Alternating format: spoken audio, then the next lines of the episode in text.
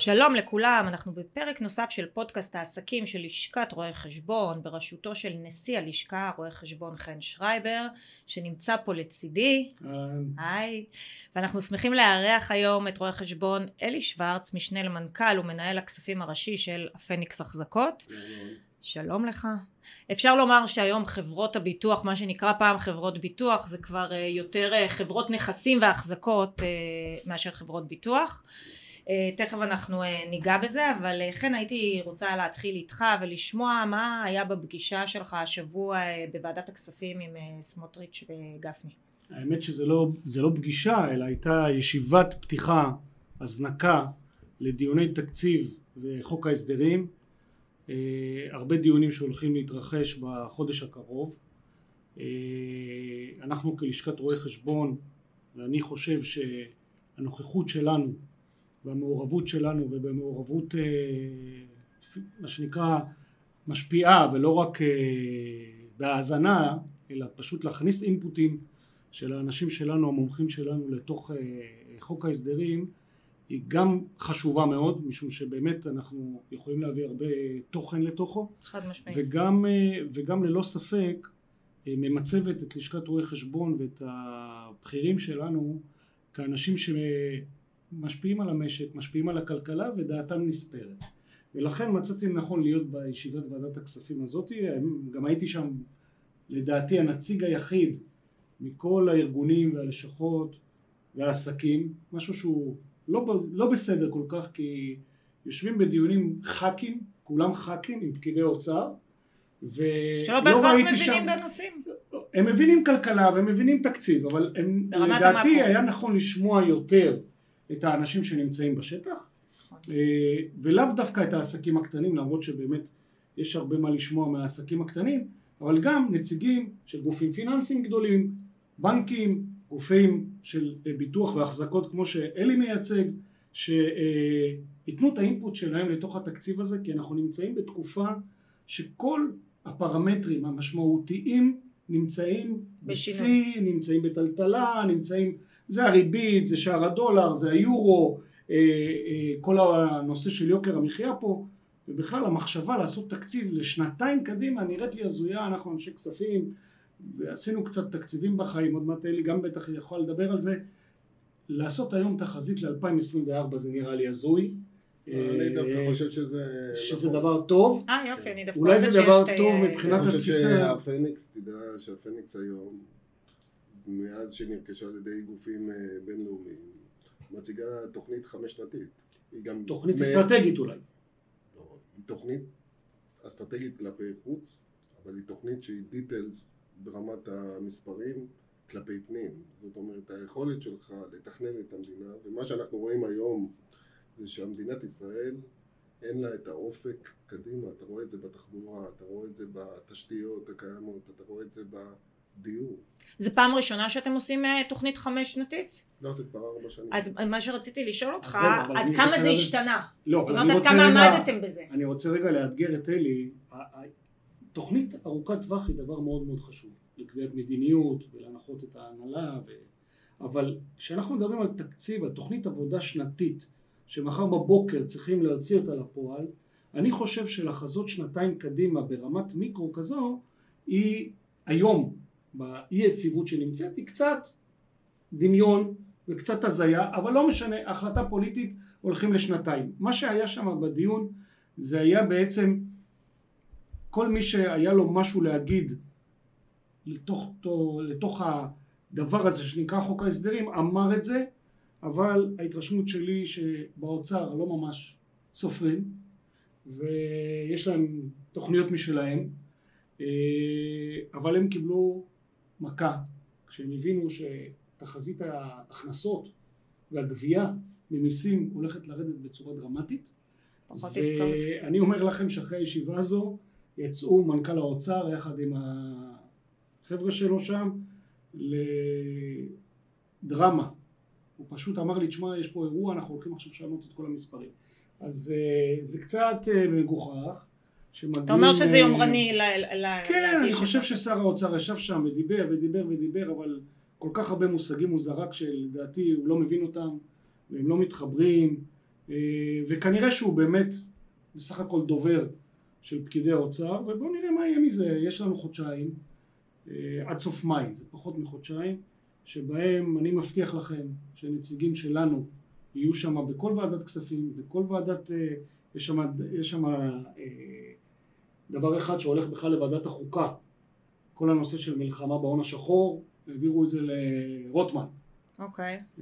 זה בדיוק זמן גם להתעסק עם רוטמן וזה, אבל זה המצב, רוצה להגיד שיהיה לנו שם ייצוג משמעותי, אני מקווה שאנחנו נוכל להשפיע. האמת שאני חושבת שזה סופר חשוב כי באמת אה, בסופו של דבר צריך לזכור שלא כולם יכולים להבין לעומק בכל אה, דבר ולהביא את אה, המומחים ולצורך העניין רואי חשבון, לשכת רואי חשבון באמת מומחים בתחום הפיננסים כספים להביא אותם ולדבר בשנים כל כך קריטיות על נושא הכספים בוועדת הכספים אני חושבת שזה יכול בהחלט רק לעזור. אני רוצה להתייחס לנקודה שהעלית לגבי תוכנית ארוכת הטווח, כן. איפה הפניקס עומדת בתוכנית ארוכת הטווח. ועד כמה זה לקחה, משתנה.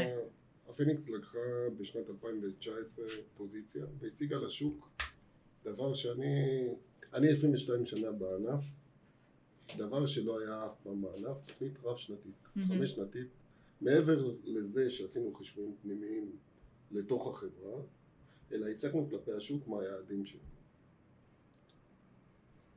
אם תשווה את תוכנית שהצגנו בשנת 2019, מה שביצענו בפועל, ביצענו בהרבה יותר. אני חושב שמה שמפריע במדינת ישראל, וזה אני אומר באופן כללי, זה שאין תכנון ארוך טווח.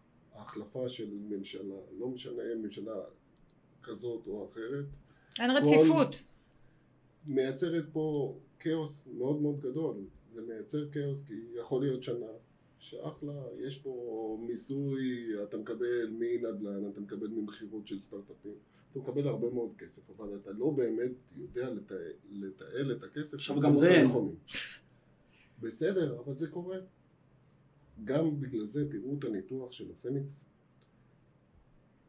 של תוכנית ארוכת הטווח. מה אנחנו עשינו? אנחנו לראשונה ביצענו הפרדה בין רווחי השקעות לרווחי חיתום.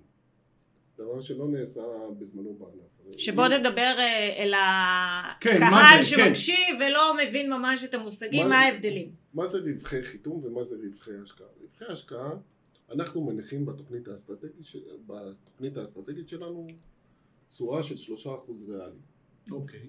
זאת אומרת, אנחנו מניחים, לא משנה מה השנה שתהיה, שנה טובה או שנה רעה, שלושה אחוז. אבל היום תשואה של שלושה אחוז היא תשואה מאוד נמוכה, זו תשואה שאתה יכול בלי סיכון בכלל לקבל אותה. רגע, הוא אומר ריאלית, זאת אומרת שאם הוא לוקח תחזית אינפלציה של חמישה אחוז, אז זה כבר שמונה. תחזית האינפלציה היא בין שתיים וחצי לשלוש, ולא הייתי לוקח חמישה אחוזים, אנחנו לא נהיה במקום, כן. חמישה אחוז הוא גבוה.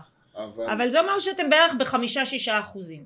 כן, עכשיו אני יכול להגיד לך בשנת 2019 וזה מתחבר לה בדיוק לנקודה שבשנת כן. 2019 שהצגנו את התוכנית עם שלושה אחוז ריאלי כולם אמרו לי זה גבוה. נכון. ב-2019 אבל, אם אתה, אבל נכון. אם אתה רוצה להשוות תוצאות של שנה לשנה ולבנות תוכנית ארוכת טווח אתה צריך לנרמל, בסדר? כן. זו מילה קשה, אבל לנרמל את ההשפעות אבל רגע, זה בדיוק העניין, הרי אתה ב-2019 לא ידעת שב-2023 נכון. יקרה מה שקורה פה.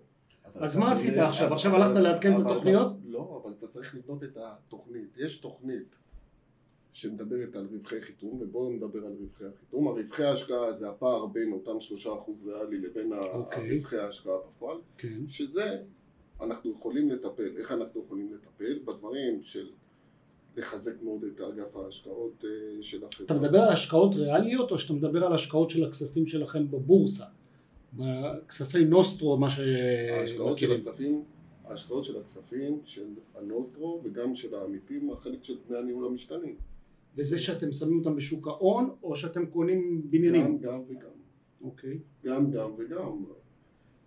אז אגב לש, לשם אני בדיוק מכוונת עכשיו את השאלה רציתי לשאול אותך באמת כיצד אה, חברות ביטוח משקיעות בדרך כלל או קבוצות אה, אה, נכסים נקרא לזה את הפרמיות שאתם גובים ממבוטחים ומה הם סוגי ההשקעות הנפוצים ביותר שאתם מבצעים? אז, אז לפני שנצלול לשאלה שלך לגבי ההשקעות, בואו חשוב להבין מה קבוצת הפניקס עושה ואיזה סוגי כספים היא מנהלת. הקבוצה היום מנהלת סדר גודל של 371 מיליארד שקל אה, אה, נכסים מנוהלים, שזה בקנה מידה גם בינלאומי. אתם הכי גדולים היום בשוק מבחינת נכון. קבוצות ביטוח. נכון. כמה למשל בנק בהשוואה נניח בנק אה, דיסקונט או מזרחי? יותר. לא, הבנקים מבחינת נכסים מנוהלים הם יותר קטנים. אבל מבחינת שוק, מבחינת ההון העצמי. הם יותר גדולים. חברות אוקיי. הביטוח, ולכן דקה אני אעשה איזשהו זווית טיפה. כי בעצם הם משקיעים יותר כסף מאשר הבנקים.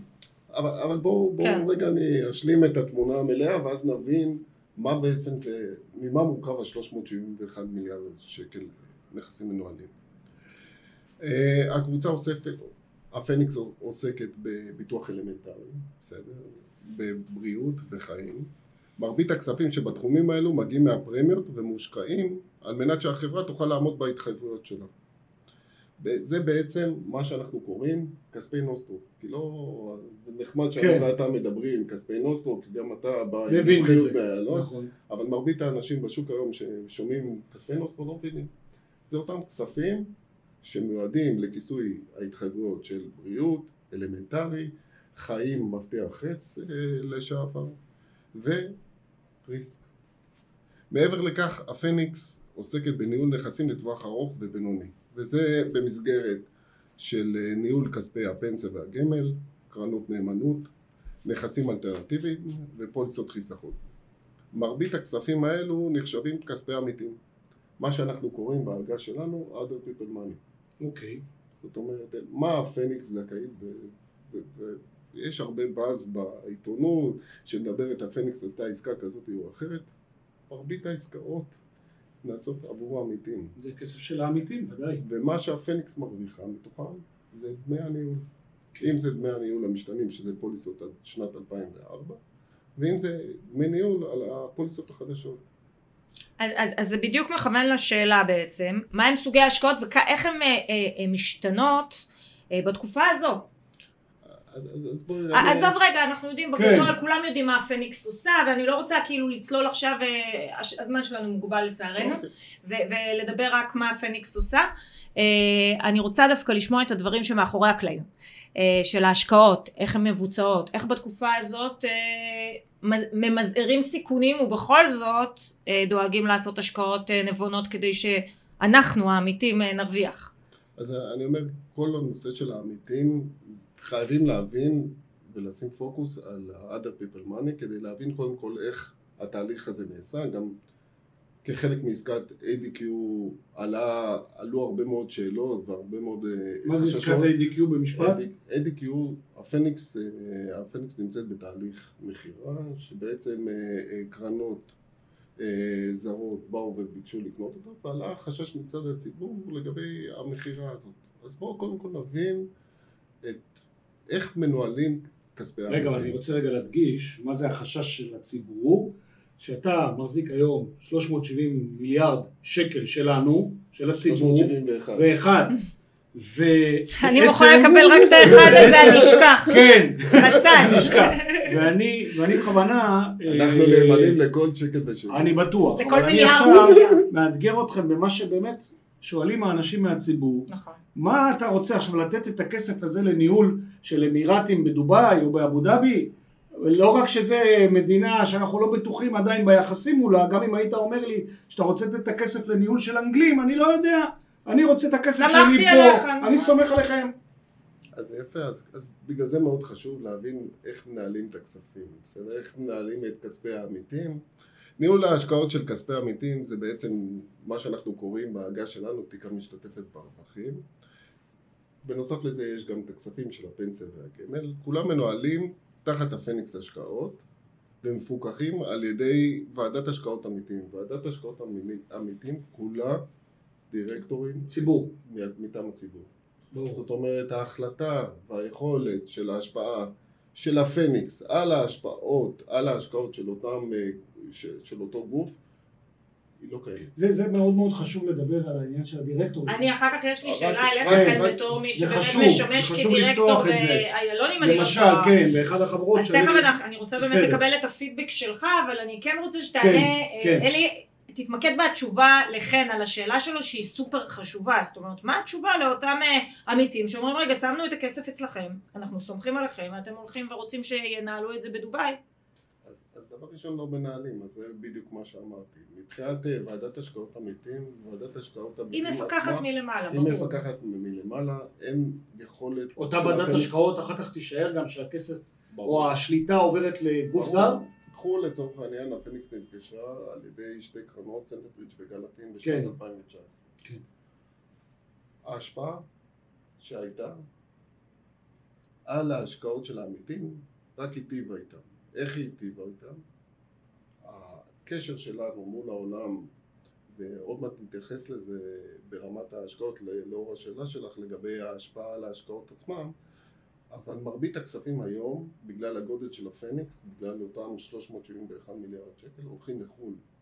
ההיכרות והיכולת להתחבר אה, לשוק הבינלאומי, זה פתח לנו ערוצים מטורפים. מטורפים, ובסופו של דבר מביא לטובת העמיתים. אה, בעצם הוא אומר בעלות של גופים זרים מחו"ל פותחת את ה... מרחיבה את יכולות ההשקעה של הפניקס, נכון? נכון. ואם זה- זה סינים אז זה גם כן נכון, ואם זה אמריקאים זה בוודאי נכון. היכולת, היכולת של אותו משקיע, של אותו משקיע לקבוע לוועדת השקעות עמיתים היא אפס. עכשיו, הרגולטור קבע מדיניות, קבע מדיניות וחוקים איך לפעול, וזה מאוד חשוב להבין איך אנחנו פועלים ב-other people money. אבל הכסף פיזית, איפה הוא יושב? הוא יושב בנאמנות בחשבונות החברה, אין לי יכולת של החברה ההיא, לא. או חברה של. הפניקס. של הפניקס. רגע, רגע, זה, זה חשבון שהוא מופרד מהספרים ביחס אה, לכספי הנוסטרו, את זוכרת אותם 32 מיליארד כן. שקל של שהם- כספים של אותם התחייבות. הנוסטרו, ולא ניתן, וזה חוק, בסדר? קיימת הפרדה מלאה בין הכספים של אפשר, אפשר הנוסטרו לבין לפשט העמיתים. את זה, אני אגיד לכם, הדירקטורים, כלומר האנשים ששומרים שם, שומרי הסף על ההשקעות, אה, בעצם יש רגולציה ישראלית, ויש את מפקח על שוק ההון אצלנו, וצריך להבין, ותקן אותי אם אני טועה, צריך להבין שבעצם שום דבר לא משתנה, הרגולציה נשארת פה, הדירקטורים כנראה נשארים כולם מפה, היחידי, הדבר היחיד שמשתנה זה המניות, בעלי המניות שהיום מחזיקים אמריקאים חלק ויש גם ישראלים או רק אמריקאים עוברים לידיים אחרות אבל ההשפעה וכל. הכל השאר לא משתנה, האם אני מדייק? אתה מדייק. איפה, אבל. אבל, אני חושב שיש פה, וזה היתרון המשמעותי של אה, אה, ההיכרות עם חו"ל. אוקיי. יש פה פתיחה מאוד משמעותית. אני יכול להגיד לכם, לא התנדבתי לעשות כן, תוכנית רב שנתית לפניקס לחמש שנים. וכשבאו אליי, הגבתי בדיוק כמוך. נכון. אמרתי, מה בוא'נה, אתם מה רוצים?" מה זה, בקושי שנה כן. אני יודע לחזות. זה ישראל פה. אני לא יודע לחזות אה, חמש שנים קדימה. ואז הראו לי, ואמרו לי, אלי, תשמע, ככה עובדים אמריקאים. ככה עובדים בחו"ל. אין דבר כזה שאתה לא מכין תוכנית חמש שנתית, ובוא תראה את ה-KPIים שאתה רוצה לעמוד, ותגיד לנו למה אתה לא עומד. עכשיו, זה היה שינוי מאוד מאוד גדול. ברור. תבינו שנתתי תחזית קדימה, פתאום אמרו לי בוא תראה ברידג' בין התוצאות שחזית לבין מה שקרה בפועל. כן. עכשיו לישראלים זה נראה מאוד תמוה. תחשוב, שנת 2019, תקופת קורונה, איך אתם חושבים שבכלל התחזית שנתתי צריכה להיות דומה למה שקרה בפועל? אין סיכוי. עובדה שאתה צריך להסביר. אתה נכון. צריך לראות. בסופו של חשוב. דבר, אם אני מסתכל בפרספקטיבה לאחור, זה מה שגרם לפניקס בסופו של דבר להתיישר ליעדים את יודעת, שלה. הוא אומר להסביר, את יודעת מה זה דוח רווח והסבר? שיש רווח כולם מבסוטים לא שואלים שאלות. כשיש שיש הפסד צריך להסביר. אבל אני אחזור רגע על השאלה ששאלת אותי, כי כן. לא השלמתי לגבי נכון. הנושא של כספי העמיתים. אז, אז בואו יש מלמעלה, דיברנו על... גם לא השלמת את הסליחה, אבל אני זוכרת דברים, מה לעשות, אני עברי מחקירות, זה... לא השלמת את האבל, כי אמרת לכן, אתה מדייק, כן, אבל. אבל, מה אבל? אני חושב שהחוזקה הגדולה, ואנחנו, אני אגיע לזה, החוזקה הגדולה זה ההיכרות עם שוק בחו"ל, אה, אוקיי. בפתיחה של אה, אותם קשרים ויכולות בינלאומיות שנדרשות לשוק הישראלי. אם מותר לי לשאול אבל. אתה אומר שיש על זה אה, סוג של רחש בחש, סערה מסביב לנושא הזה. למה בעצם הפניקס עושה את זה? אני מבינה שלכם זה רווחי? דבר ראשון הפניקס לא עושה, זה עסקה בין בעלי המניות לבעלי מניות, זה לא עסקה שקשורה לפניקס, זה עסקה מעל הפניקס. אוקיי. Okay. אז הפניקס לא קשורה פה לתהליך, הפניקס נקנית על ידי בעל מניות מול בעל. מה שנשאלתי, האם זה משפיע על הפניקס, בסדר? או בהכרח על כספי העמיתים, וזו הייתה התשובה. ולכן מאוד חשוב לי לתת את הזווית ו- ולהתמקד בשאלה ששאלת אותי.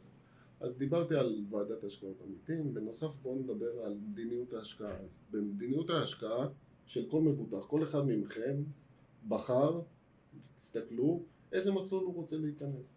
בסדר? במסלול, נכון. יש הגדרה אם זה מסלול מנייתי, מסלול אג"חי. כללי.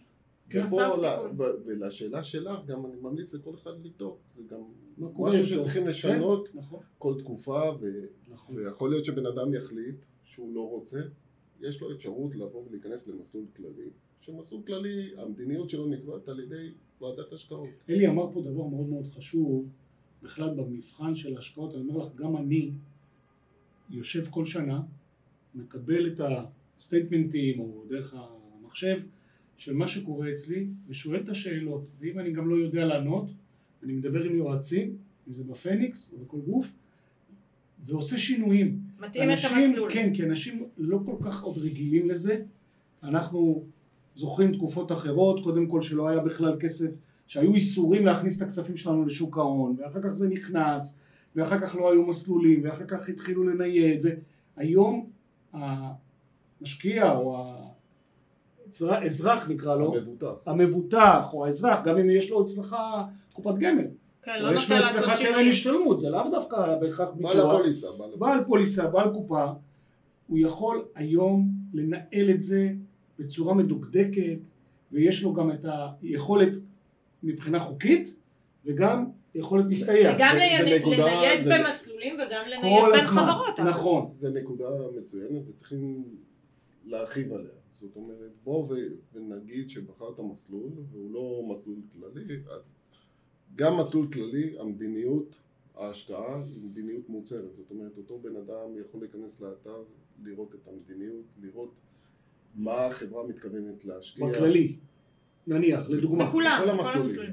יש גם מסלולים לפי גילאים, מסלולים לבני 50 פלוס, מסלולים נכון. לבני כן. 60 פלוס, כל מיני מסלולים כאלה שבעצם... את מתחילה לגעת פה בנקודות רגישות עם הגילאים. לא רק שלך. כן. אני התלבטתי לעשות לעצמי את זה. אני חושב שמאוד חשוב שאנשים יכירו את המדיניות ההשקעה, בסדר? יכירו את המדיניות ההשקעה ויחליטו איפה הם רוצים למקם את הכסף. זאת אומרת, לשאלה שלך הרבה מתוך מדיניות ההשקעה היא מדיניות השקעה שתלויה בבן אדם. במסלול הכללי רמת החופשיות, אם הייתי משווה את זה רמת הסיכון נמוכה יותר. לקרן נאמנות, אז קרן נאמנות גמישה היא די דומה למסלול כללי. זאת אומרת, יש פה אפשרויות שהן נותנות יותר מרווח אה, חופש למנהלי ההשקעות ולוועדה שציינתי מקודם. אז בואו נדבר על איזה סוגי השקעות קיימות, אה, קיימות אה, בחברה. אז יש את החוב, שזה גם בארץ וגם בחו"ל. ופה לשאלה שלך, השאלה הקודמת, איזה יתרונות משמעותיים. השוק הופך, השוק הישראלי הופך להיות קטן על הגופים הפנסיוניים. הגופים הפנסיוניים... זאת אומרת, אין איפה להשקיע את הכסף, לקבל תשואות טובות? לא, לא אמרתי. אז מה הכוונה? הכוונה היא, חלק קרו, קרו פה בשוק הישראלי מספר אה, שינויים משמעותיים. ביניהם הרפורמה באג"ח מיועדות, אני לא יודע אם מישהו מכם שמע, אבל כן. זה היה אחד, הייתי אומר, אחד היתרונות, או לצורך העניין ההצלחות של הממשלה הקודמת, שבעצם הפכה את האג"ח מיועדות שהונפקו בזמנו לפנסיה לניהול שוטף של חברות הביטוח תוך הבטחת תשואה מינימלית. תוך הבטחת תשואה לא מינימלית, הבטחת תשואה, שהבטחת התשואה היא של הממשלה. מה זה אומר? אחד, הממשלה מאמינה בגופים הפנסיוניים שינהלו את הכסף עבורה ויבטיחו את התשואה. מה שזה אומר בנוסף לזה, שעוד כסף נכנס לתוך הגופי הפנסיוניים על מנת שינהלו את הכסף. השוק הופך להיות מאוד מאוד קטן. הפנסיות, זה מה שהן חובה. אתה לא יכול כל הזמן לשים את הכסף בבנק לאומי ובבנק דיסקונט, אי אפשר. ואתה גם לא יכול מצד שני להגיע לרמת ריכוזיות מאוד מאוד גדולה בשוק. אנחנו מוגבלים לצורך העניין איפה ישקיעו? יקנו עוד פעם מניות של בנק פועלים. ולכן אני חושב, ופה לשאלה שלך, היתרון המאוד משמעותי היא ההיכרות עם השוק הגלובלי. והחברה, ופה הפניקס פועלת בצורה מאוד מאוד. אין לכם מגבלות? הגבלות? לא, בשוק הבינלאומי, בשוק הבינלאומי רמת הגמישות ורמת העסקאות... כל הבינלאומי, לא רק האמריקאים. עכשיו צריכים לראות מה לא, אבל מבחינת הרגולטור, אתה יכול עכשיו, כדוגמה אני שואל, לקחת עכשיו 100 מיליארד ולהשקיע אותם בנדל"ן בטקסס. אתה יכול לעשות את זה מבחינת הרגולטור? כשאתה אומר 100 מיליארד אתה צריך לראות, הבחינה הנכונה היא באחוזים? שיעור באחוזים מתוך התיק, בסדר? אוקיי. אז יש הגבלה של אחוזים? כן, יש מדיניות, יש שני אה, רגולציות שאנחנו אה, כפופים, או אפילו טיפה יותר, יש רגולציה שהיא נקראת תקנות ההשקעה, תקנות ההשקעה מגבילות את שיעור, לצורך העניין, שיעור החשיפה לנדל"ן מתוך התיק, היא מגבילה את החשיפה למנפיק, יש זה נדבך ה... שנגיד, אה, בוא, בוא ניקח לדוגמה את הנדל"ן, מה, מה שיעור החשיפה המותר המקסימלי? עשרה אחוז. עשרה אחוז. נשמע בסדר. אני... אה? אוקיי. ובנוסף לזה, גם ועדת ההשקעות העמיתים קובעת אה, מגבלות, מגבלות השקעה פנימיות. גם הדירקטוריון קובע מגבלות השקעה. זאת אומרת, בתוך העשרה אחוז, בדוגמה שלה, יש עוד יש עוד כמה פילטרים בדרך. נכון. מקדמי הגנה כאלה, כן. כן. עכשיו, עכשיו סך הכל אם נסתכל על החוב עצמם אז בחוב אנחנו חשופים אם זה דרך הלוואות, אם זה אג"ח, אם זה אג"ח ממשלתי עכשיו צריכים לראות את החשיבות של הגיוון של אותם השקעות. אז, אז אני רוצה לכוון אה, ולדייק את זה אה, ולשאול מה בשנה האחרונה שהיא באמת שעה, שנה כמו שחן אמר של טלטלות ושינויים מאוד מאוד משמעותיים אה, מבחינת אה, הכלכלה אה, השינויים העיקריים שאתם עושים בעצם בהשקעות שלכם? אז, אז אחד אני חושב שמשהו שפחות קורה בשוק הבינלאומי פחות קורה בשוק הישראלי וקורה מאוד בשוק הבינלאומי זה כל הנושא של EAG EAG קיבל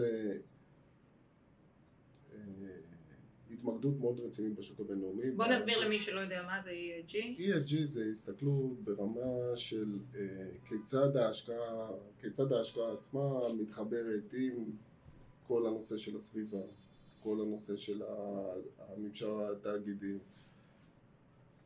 בשוק הישראלי פחות, כן. בשוק הישראלי פחות נתנו לזה חשיבות. עדיין, עדיין. אני יכול להגיד לך, אני מגיע, לפני שבועיים הייתי ב... כנס אה, מנהלי כספים בהרווארד, יחד עם, אה, יחד עם מקנזי, שזה היה מטורף. היה מטורף, הגעתי, זה הסשן השני של מקנזי, הראשון אחרי הקוביד, שבו אה, מנהלי אוקיי. כספים מכל העולם נמצאים, נמצאים יחדיו, 50 מנהלי כספים. מדינות, 50 מדינות? לא, 50 מנהלי כספים, שמרבית, כמעט אני חושב, חוץ ממני, כולם, המרכז שלהם זה ארצות הברית. אה, אוקיי. והפניקס הוא, אנחנו חושבים, אה, תופסים מעצמנו כגדולים, הפניקס היא סניפון. סניפון באריזונה. אז בזכות האמריקאים הוא הגיע לכנס של מקנזי, כן. ובשנה הבאה הוא יגיע לכנס של עבדאללה בן עזיז, בן זיאד. כן. אני יכול להגיד, אחד אתה צוחק, אבל אני חושב שזה חלק ממה שאמרתי, שזה חלק ממה שאמרתי של יתרון. לא, במלון החדש הזה, איך קוראים לו? כן. עכשיו של כל המיליארדרים. כן. זה חלק מהיתרון. שם לא חסרים מיליארדרים. זה חלק מהיתרון, אתה צודק. חלק מהיתרון להימנות לקבוצה בינלאומית זה הקשרים. זה לא נכון, זה נכון, זה גם במקצוע שלנו, עובדה שמי שעובד עם הרשתות הבינלאומיות הוא יותר גודל והוא יותר מתרחב, אין ספק. עכשיו אני יכול להגיד שבאותו כנס של ESG, אה, אותו כנס של אה, מנהלי כספים אה, בהרווארד, מתוך חמישה ימים הקצו יום אחד על ESG ועל DI, שזה מטורף בעיניי. כן, זאת אומרת 20% מהכנס. כן, ואנשים וחברות פועלות. אנחנו פשוט מנותקים אה, בתפיסה, פועלים כדי, לא כדי להשמיש את ESG, אלא פשוט לדעת איך נכון ליישם אותו על מנת לייצר תועלת לחברה שלנו. לקהילה, כן. וגם לקהילה. לא, אבל גם תועלת לחברה. כן, כן. זה שני דברים... אז איך זה אה, משפיע באמת על ההשקעות, בנוסף לשנה המיוחדת הזו? אז, אז אני אגיד, בהשקעות עצמם זה דבר ראשון, אתה צריך לקבוע לעצמך יעדים, בסדר? יעדים פנימיים של ההשקעה, וב' לשאול את עצמך את השאלות. קודם כל לשאול את השאלות לגבי... כן, אבל שוב, מה, מה, אני שואלת, אולי אני אשאל קודם את חן ואחר כך אחזור אה, אליך. אה, אני באמת רוצה לשאול אותך, גם כנשיא כן. לשכת רואי חשבון, וגם כן. בתור באמת מישהו שיושב בהרבה דירקטוריונים, בין השאר של אה, חברת איילון, ציינתי מקודם. איך אתה רואה את התקופה הזו מבחינת ההתנהלות וההשקעות שצריכות להיות? כי זו תקופה מאוד מאתגרת. קודם כל, אין ספק ש... וזה גם בטח אצלכם, שוועדות השקעות עובדות יותר, עושות יותר שעות נוספות כמו שאומרים. אה, האינטרוולים של בדיקת ההחלטות וה... והיישום של ההמלצות מתקצרים, זאת אומרת שיותר דיונים, ברגע ששוק הוא תזזיתי יותר, אני מדבר יותר על טווח קצר, אלי מדבר בעיקר על טווח ארוך, אבל גם בטווח הקצר צריך להתמודד ובטווח הקצר המימון כמו שגם את יודעת הוא מאוד יקר אה, וקשה למצוא השקעות עכשיו עם תשואות בעיניי בנדל"ן יש עצירה אה, ולכן יכול להיות שצריכים לקוות שהתקופה הזאת תהיה, תחלוף מהר, שהריבית תחזור למטה, אה, שהאינפלציה תיעצר, שהקבלנים יחזרו למכור. אני קצת, אני אתה חושב אחרת. אני קצת חושב אחרת. אני, כן. אני אגיד, אני חושב שאם אם נסתכל על הפניקס, הפניקס מגיעה לשנת 2023 מאוד מאוד טובה. אוקיי. מבחינת נזילות, יש לה את כל הנזילות שבעולם. ואתם רואים הזדמנויות עכשיו. ולכן אני רואה תשואה. התשואה בשנת 2022 הייתה מאוד נמוכה. בעבור משקיע. תשואה ריאלית. נכון. אבל תחשוב ואתה רואה עסקאות, לצורך העניין עסקאות שביצענו, כן. שפתאום חברות נדל"ן מבקשות מאיתנו להיות uh, שותפים, בעבר היית צריך לבקש את זה ול... אתה מדבר על האורה. אוקיי. זאת אומרת, אני אדבר ו... אדבר על האורה, כן, אבל בוא דווקא אני הייתי רוצה... רק בשביל לסבר את האוזן ככה למאזינים שלנו, אז בעצם אתם נכנסתם אה, שותפים בחמישה פרויקטים אם אני לא טועה של התחדשות נכון. עירונית אה, של חברת האורה בבעלות הטרקצ'י שלמעשה אתם אה, תהנו מ-30 אחוזים אה, הרווחים ממכירת הדירות החדשות באותם פרויקטים אה, ואתם בעצם סוג של שותפים לרווח במקום מבחינתם הרעיון זה באמת שהמימון שלהם לא יהיה כל כך יקר והם מקטינים סיכונים. זה ווין ווין ונכון זה ווין ווין ומבחינתכם אתם בעצם שותפים ברווחים. זאת אומרת הפכתם להיות גם קבלנים. אבל בואו נחזור רגע ל-ESG יזמים. יזמים. בואו נסתכל על ESG חלק ממה שאנחנו רואים כחברת ביטוח, מכיוון שלנו יש את הנזילות הקיימת, היא לתמוך בשוק הישראלי, זאת אומרת בדרך הזאת של עסקה. תמכנו ביכולת של, אה, של חברות ביטוח, או ביכולת של חברות הביטוח לייצר תשואה לעמיתים שלהם, ומאידך לחברות נדל"ן להתפתח, כי אחרת מה האלטרנטיבה? האלטרנטיבה זה פשוט לא לפתח, או לחילופין לשלם ריביות מטורפות. אז זה מכספי העמיתים? רגע, זה מכספי העמיתים? זה גם וגם. העסקאות שאנחנו עושים, שהן עסקאות השקעה, הן הולכות לפי מפתח חלוקה מאוד מאוד מסודר שנקבע ומאושר בוועדות, בוועדות השונות. אני, סלח, סלחו לי שניכם על השאלה, אבל ממתי אתם, חברת ביטוח, מבינים באיפה כדאי להשקיע בנדל"ן. אז, אז, אז בוא, אני דווקא הייתי חוזר... לא, לא, אני לא אומר את זה, זה, זה, אני מרים לך. אז אני, אז אני הייתי רוצה קודם כל להתייחס לנושא של המגמות, ואז בוא, בוא, בוא נבין עד כמה... רגע, אבל אני לא רוצה ש... אני רוצה כן. שיצא לנו אה, אה, מסודר, שכן יהיה לנו תשובות, כי אחרת אנחנו בסוף פותחים מלא ענפים. כן, אני עושה לו projection. אז אני אגיד, אז בואו נדבר על נדל"ן. חברות הביטוח הגדילו בצורה משמעותית את החשיפה שלהם לנדל"ן. אם מסתכלים על הפניקס, הגודל שלה הוא לא שונה מאשר חברת נדל"ן גדולה במשק. ההיכרות שלה בנדל"ן... זה התשובה. אני כבר שם הרבה זמן. כשאתה אומר נדל"ן, כשאתה אומר נדל"ן, אתה צריך לדייק, בסדר?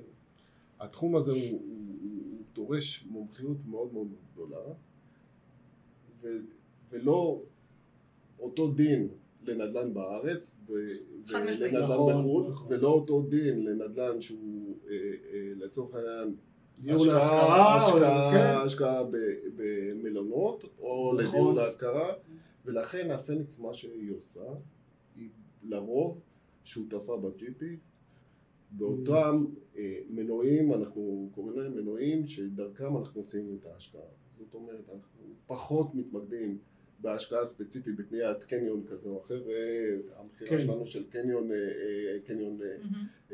באילת, כן, כן. רכישה בפלטפורמות. Mm-hmm. הפלטפורמה יש בה יכולת מאוד מאוד טובה. מה הפניקס מביאה? אני תמיד אומר, הפניקס מביאה את הארנק שלה. נכון, את הכסף. את כן. הכסף. היא מביאה גם שיקול דעת, כי בסוף אתה מאוד חשוב מי השותף שלך בפלטפורמה. נכון, נכון. אבל השותף מביא את הידע. אין לנו כוונה לייצר ידע ספציפי לצורך העניין. והם בחרו פה חברה גדולה לא, ומאוד מצליחה. אגב מיד אחרי שנכנסתם המניה אה, קפצה בעשרה אחוזים. זה בסדר. נכון. אבל השאלה היא, השאלה אם ההשקעה היא בעצם אתם מקימים מיזם משותף או שאתם פשוט נכנסים... אנחנו מייצרים פלטפורמה.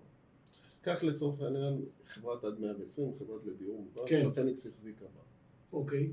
הפניקס מכרה את השליטה בחברת עד 120 לשפיר.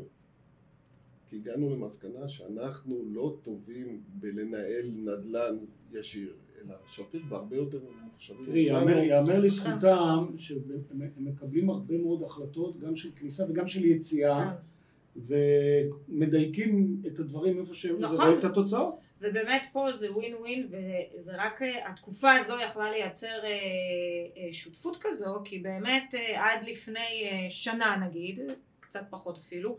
כן. Uh, הכסף היה כל כך זול והמימון היה כל כך זול שהטרקצ'י והאורה לא היו לא צריכים אותם. אותם, נכון? אבל תראה, ועכשיו לדוגמה, זה באמת ווין ווין. תראי לדוגמה את האקרו. האקרו הוא דוגמה קלאסית שהפניקס השקיע בתחילת דרכה עוד לפני שהוא הונפקה. והוא כן. צמח בצורה בלתי רגילה. וזה כן, נקרא פלטפורמה. זה נקרא פלטפורמה. ורק יצוין ככה ממה שאני לפחות קראתי ושמעתי שבעצם אתם אה, צופים אה, רווחים זו הציפייה של 50 אחוזים אה, בתוך ארבע שנים אם אני זוכרת נכון או שלוש שנים של הפרויקטים האלה אני אגיד א' 50 אחוז בארבע שנים זה נמוך. זה, זה נמוך אתם צופים זהו במקום אחד ראיתי שאתם מצפים ל-17 אחוזים בשנה במקום אחר ראיתי עד סיום הפרויקטים 50 אחוזים, אבל החישוב שלי הראה שזה בערך ארבע שנים. אני חושב שכל פלטפורמה שאתה עושה, יש בו תהליך של צמיחה. הפניקס, כחלק מגוף מוביל, מקבלת עוד ועוד כספים וצריכה לדעת להשקיע אותם. ככל שאתה משקיע נכון. בפלטפורמה עצמה, אתה מייצר, בנוסף למה שציינת, כי בסוף ההשקעה בפרויקט כזה הוא לא באמת משמעותי. להיקף הגודל של 371 מיליארד שקל. אה, אלי, אתם רואים ירידה בהיקפים? זאת אומרת, ה-371 מיליארד, הם היו שנה שעברה יותר או פחות? מה אתם מזהים? אני אגיד, אה, סך הכל מבחינת הגידול שלנו בנכסים המנוהלים, אם משווים את זה לשנה קודמת, אז לא רואים שינויים משמעותיים.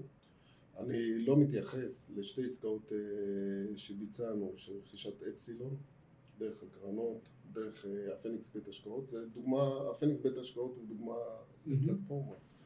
עשינו כן. שם שינוי מבני מאוד משמעותי, שבו אבנר ובועז, אני לא יודע אם יצא לכם את אה, אבנר חדד ובועז נגר, שהיו בעלי מניות בקסם, אנחנו כן. עשינו שינוי מבנה והחלפנו את ההחזקות שלהם מקסם להחזקות בפניקס בית השקעות, מה שנקרא בעבר אקסלנס. כחלק מתוך השינוי הזה, הצענו גם מספר רכישות של קרנות נאמנות. אה, אפסילון?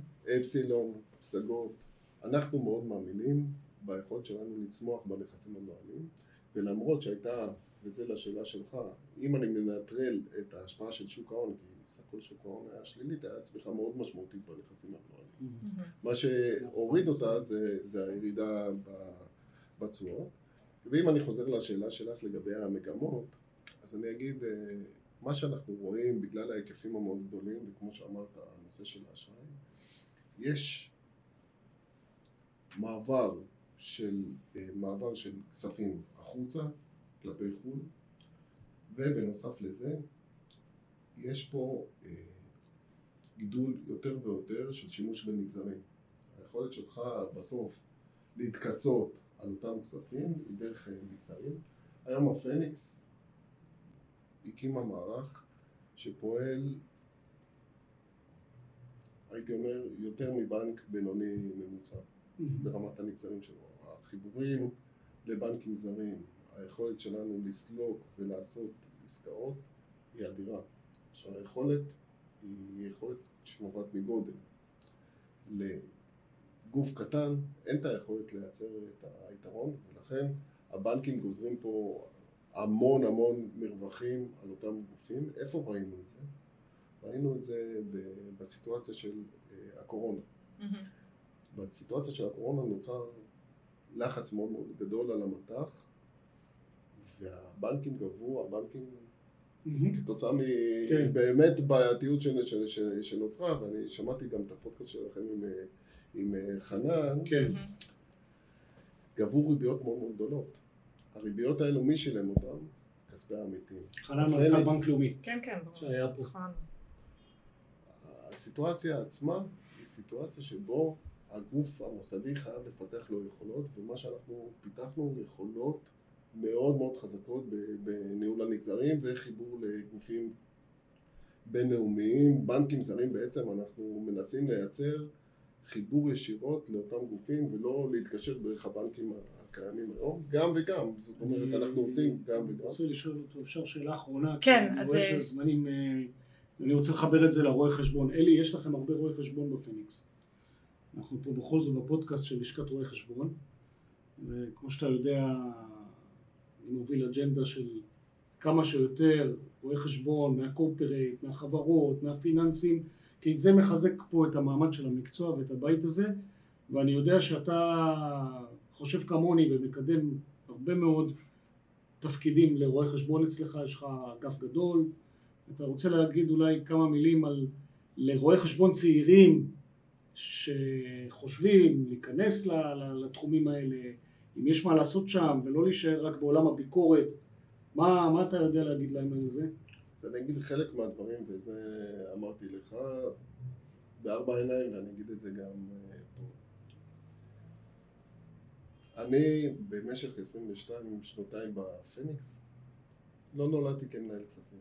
חלק ממה שעשיתי זה עברתי למערכות מידע והייתי במערכות מידע קרוב לחמש שנים. ריכזתי קרוב ל... ריכזתי קרוב ל-50% אם לא 60% מהיקף העבודה של אה, מערך התשתיות או מערך ה-IT של, אה, של הפניקס. שתגיד מה הקשר בין רואי חשבון לבין, לבין מערכות מידע. אני חושב היום המקצוע עובר שינוי מאוד מאוד משמעותי. מאוד משמעותי. היום אני רואה רואי חשבון במערכות מידע, אני רואה רואי חשבון בהשקעות. אני באופן אישי עשיתי תוכנית מנטורינג שבו לקחתי להתמחות של שנתיים רואה חשבון אצלי, ששמתי חלק מהאנשים תחת הפיקוח שלי כמובן mm-hmm. בהשקעות, ולשמחתי חלק מהאנשים והאנליסטים שמבקרים היום את פניקס הם אנשים שיצאו מאצלכם, כן, היו תחתיי, תחתיך. עכשיו אנשים מבינים את הביטוח, ואנשים מבינים את ההשקעות, עכשיו היכולת לקרוא דוחות כספיים יחד עם ההבנה של תהליכים טכנולוגיים, mm-hmm. יחד עם ההבנה של המס. זה נותן ערך מוסף נותן ערך מוסף אדיר, אני יכול להגיד לכם שהרבה מאוד תהליכים של שינויים מבניים כאלו ואחרים שביצענו בפניקס, הייתי חושש לבצע אותם מבלי להכיר את מערכות המידע שנמצאות מתחת, כי היכולת שלך לבצע נכון. לא לדבר בעניין המצגת, אלא לבצע פעילות בפועל, היא היכולת שלך להבין את הדברים מלמטה, וזה היתרון המאוד נכון. משמעותי, ולכן מאוד מאוד חשוב לי להביא אנשים טובים למקצוע. אני חושב שזה בסוף השאלה הגדולה, איך אנחנו מביאים את האנשים הטובים למקצוע ולא מאבדים אותם לטובת... אה, זה, זה כבר עבודה שלי, כן. אני עושה את זה הרבה מאוד. ו... זה, זה השילוב כוחות ביניכם. כן, אז... אה, מצוין. אז אה, קודם כל באמת תודה על התשובה, אכן קיבלת תשובה מלאה כן, לשאלה כן, שלך. כן, כן, אני מרוצה מאוד. זה, זה הזמן לקרוא לרואי החשבון הצעירים להתחיל... להשתלב. להשתלב בתחום. טוב, אני רוצה להודות לכם, קודם כל לך, רואה חשבון חן שרייבר, הפודקאסטים המעניינים האלה שאתה מייצר, ותודה רבה לך, רואה חשבון אלי שוורץ, תמשיכו לעשות חייל ולהרוויח כספים בשביל כל הציבור, שמושקע אצלכם. תודה רבה. אלי, תודה שבאת, היה כיף. גם לי.